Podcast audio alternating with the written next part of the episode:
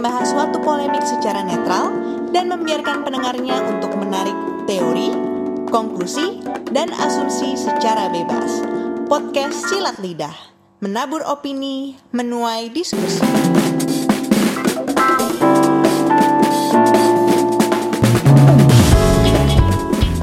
Selamat datang di Silat Lidah bersama gue Ivan Podiman. Hari ini gue mau ngomongin satu topik yang unik.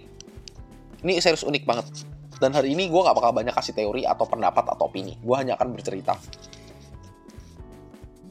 Tapi ada sebuah pertanyaan penting atau sebuah dilema penting yang akan gue tanyakan dan uh, gue akan coba gambarin melalui dua buah film yang gue tonton. Ya ini basically hari ini gue akan bercerita tentang dua film yang berhubungan. Dan inti topik yang mau gue ngomongin pada hari ini adalah unrequited love atau cinta yang uh, tidak bertemu. Bukan kandas ya, cinta yang tidak sampai ada dua film yang akan gue bahas dan gue akan menceritakan film ini. Satu film mungkin nggak terlalu populer atau mungkin nggak semua selalu bisa nonton, tapi satu film yang lain sangat populer di Indonesia.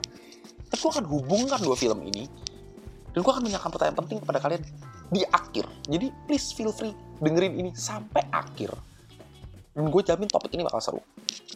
Film pertama adalah film yang judulnya Modern Love. Diputar di Amazon Prime. Especially episode 2 yang berjudul When Cupid is Your Praying Journalist. By the way, Modern Love ini adalah sebuah mini series dari Amazon. Lu nggak bisa temuin di yang lain, di Netflix. Bisa, tapi jujur, lu mungkin bisa cari bajakannya. Mini series ini bersumber dari kolom Modern Love di New York Times. Dan ini semua kisah nyata dari orang-orang yang menulis di kolom tersebut. Jadi ini semua kisah nyata. Dan film kedua yang akan gue bahas, gue, buka aja dari sekarang. Yang mungkin lebih familiar, pasti mungkin kalian udah nonton. Kalau belum nonton, please nonton karena ini bagus banget. Ada apa dengan cinta dua? Oke, satu-satu ya. Gue sekarang ngomongin Modern Love dulu. Tapi kalau misalnya kalian mau nonton sendiri langsung, silahkan nonton aja karena ini bagus banget. Tapi untuk yang kalian malas nonton, gue akan cerita ini. Jujur ini ceritanya cukup kompleks. Tapi gue akan coba sebisa mungkin dengan bahasa yang paling sederhana. Jadi ada seseorang namanya Joshua, dimainkan oleh aktor Dev Patel. Joshua ini seorang CEO dari sebuah perusahaan dating app yang ceritanya lagi ngeboom.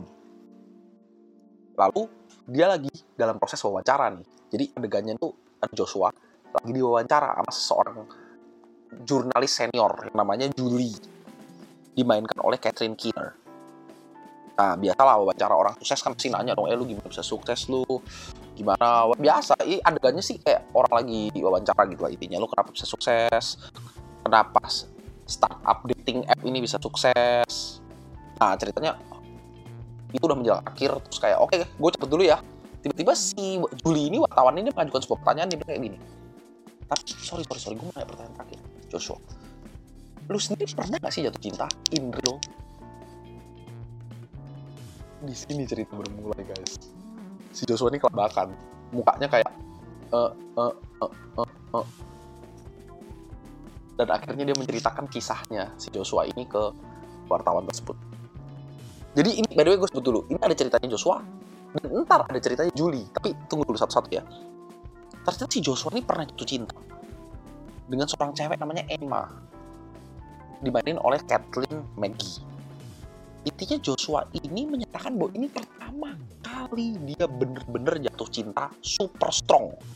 Digambarin di film itu hubungan mereka top banget selama 6 bulan pertama. Super fall in love, mereka tinggal bareng, everything is good.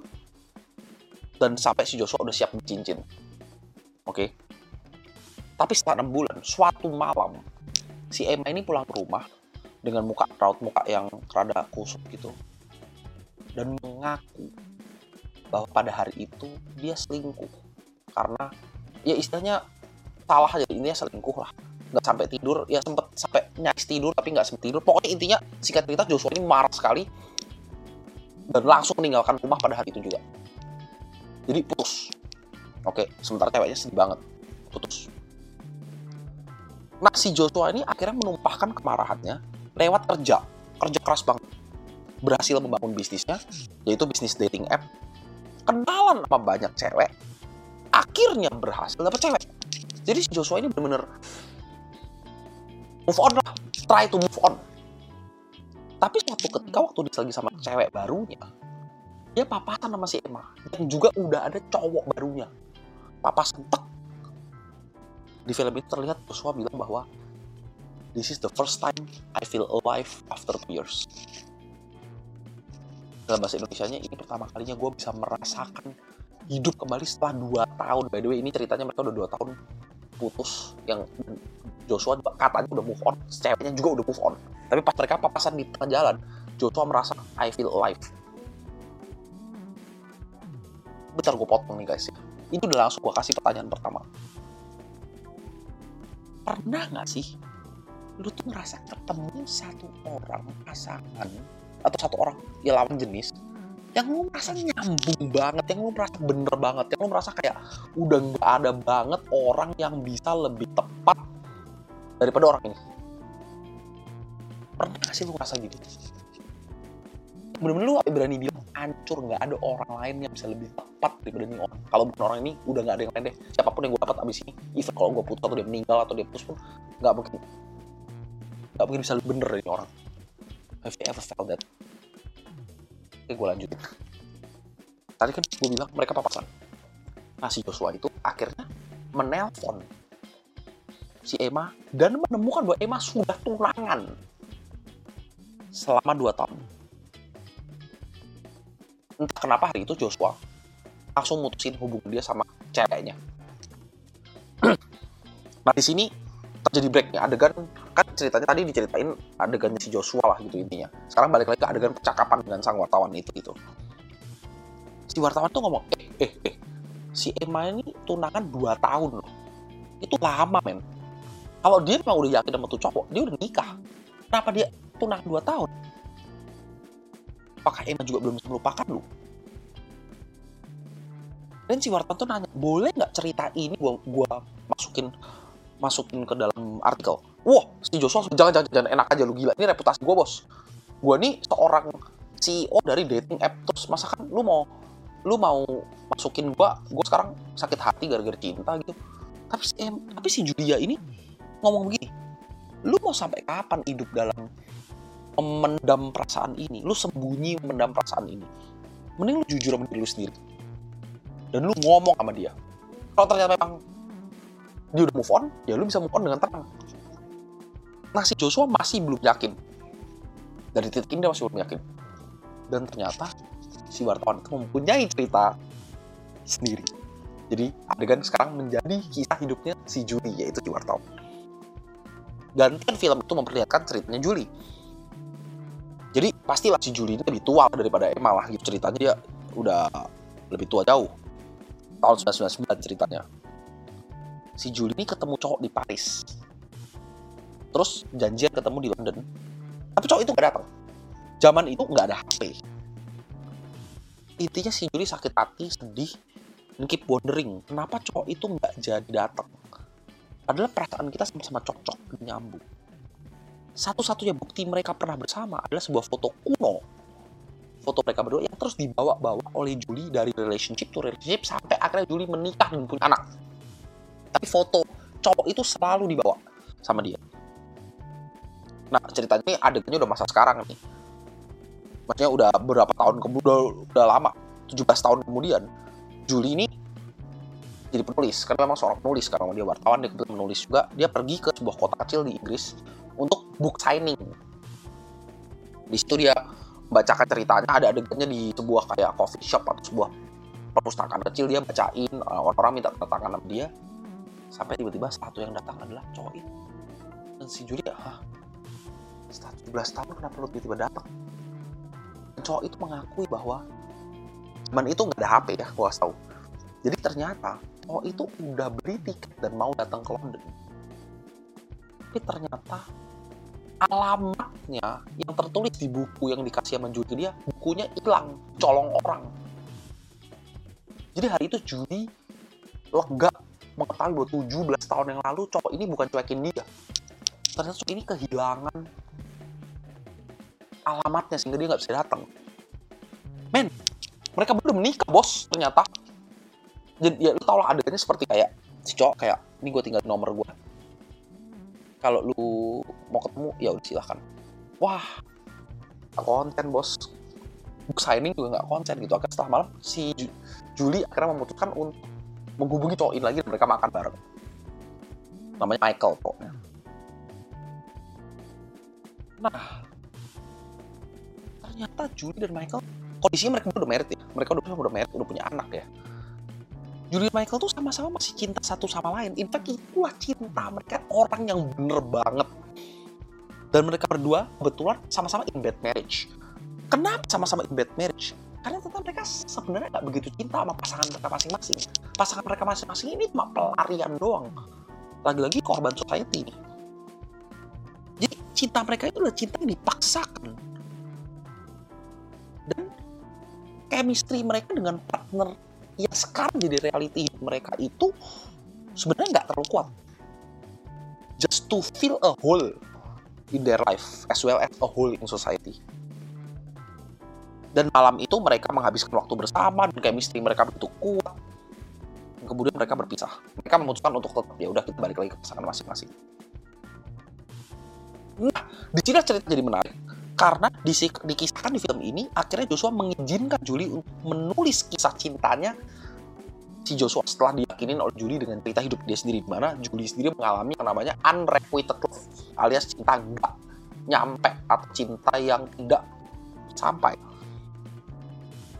Di dalam film ini kebacalah majalah yang atau kebaca artikel ini oleh Emma yang kebetulan lagi tinggal bareng sama cowoknya yang udah bilang engage 2 tahun tadi Emma sadar bahwa ternyata Joshua itu masih nggak bisa move on. Dan dia juga sebenarnya nggak bisa move on. Jadi mereka berdua ini trying to filling the hole but they can't. They still exactly know deep down inside their heart bahwa pasangan mereka Emma dan Joshua yang udah putus selama 2 tahun ini is their love. Dan akhirnya di akhir film ini mereka bersatu kembali. Oke gue jelasin top today ini tentang apa sih jadi gini loh. Gue nggak mau kasih teori banyak-banyak. Gue cuma tadi kan gue udah nanya kan pernah lo menemukan cinta yang sedemikian kuatnya yang sampai merasa nggak ada orang lain lagi yang akan bisa cocok sama lu selain orang ini? Tapi gue langsung terangin topik. Eh bukan topik film kedua yang menggambarkan ini itu film AADC 2 diceritakan kan lu tau AADC kan cinta sama Rangga ya itu udah super terkenal gitu. Ini film Indonesia gampang banget cari aja filmnya diceritakan si cinta ini setelah 17 tahun berpisah dengan Rangga Rangga hidup di New York. Mencoba move on tapi nggak bisa. Sementara cinta udah move on. Dia akan menikah dengan seseorang yang mapan. Ini potret. Ceritanya dibandingkan Aryo Aryo Bayu tuh waktu itu. Jadi istilahnya dia tuh kayak potret cowok yang mapan pengusaha. Ini bener-bener perfect lah. Tick all the boxes. Nah since mereka udah si cinta udah mau married geng cewek ini semua pergi ke Jogja untuk bachelorette party. Eh ketemu dengan Rangga di situ. Di Jogja ini Rangga dan Cinta pertama kali ketemu setelah 17 tahun. Pas pertama kali aja mau ketemu Cinta udah bilang kayak udah gogahan gitu kayak apaan ini? gitu kayak men gue udah mau merit men. Kayak you, istilahnya ini kok ada interupsi nih gitu loh. Tapi temen-temennya pada bilang udahlah lu lu beresin aja deh lu mau menikah daripada ganjel. Udah pengen lu temuin beresin and you can move on. Cinta bilang oke gue temuin cuma dua jam doang. It turns dua jam jadi semalam. Tapi teman-teman ini ke mana sih? Cinta ya? Ini ke mana ya? Gila kok dia sampai bilang waduh cowoknya telepon lagi kita mesti ngomong apa ya bos? Sampai temennya panik.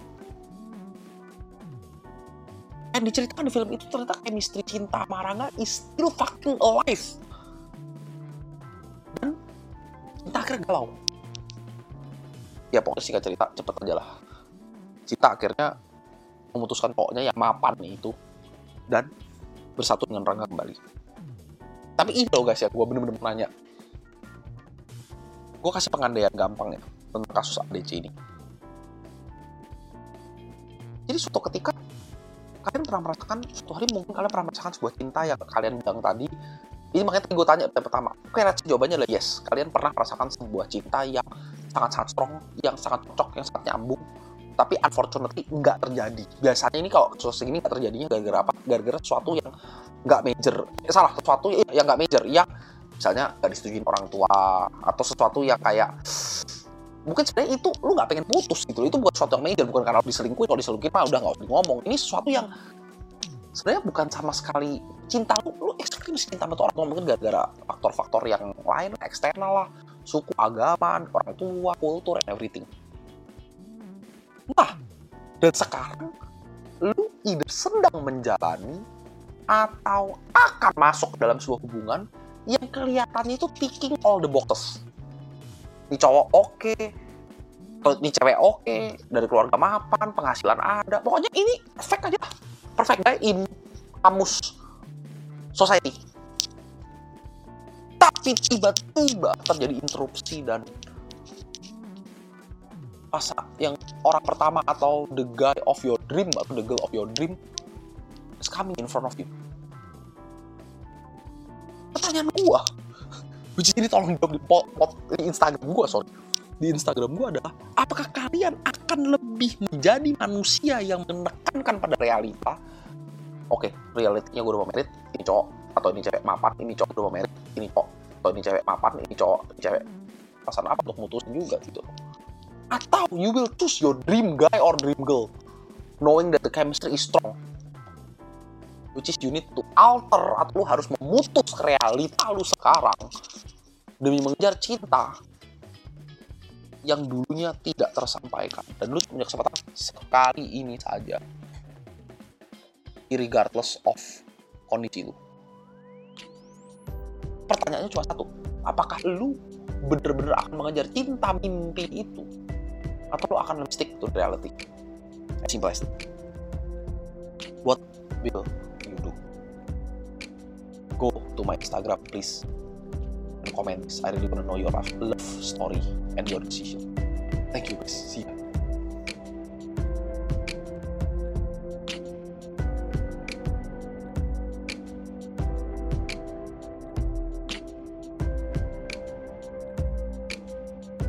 Thank you for listening podcast Silat Lidah. Kalau teman-teman pesilat punya komentar atau opini, langsung komen aja ya di Instagram podcast underscore silat lidah, di mana kita bisa saling berdiskusi dan tentunya bersilat lidah dalam menanggapi fenomena-fenomena kehidupan seperti ini. See you next week di podcast Silat Lidah, menabur opini, menuai diskusi.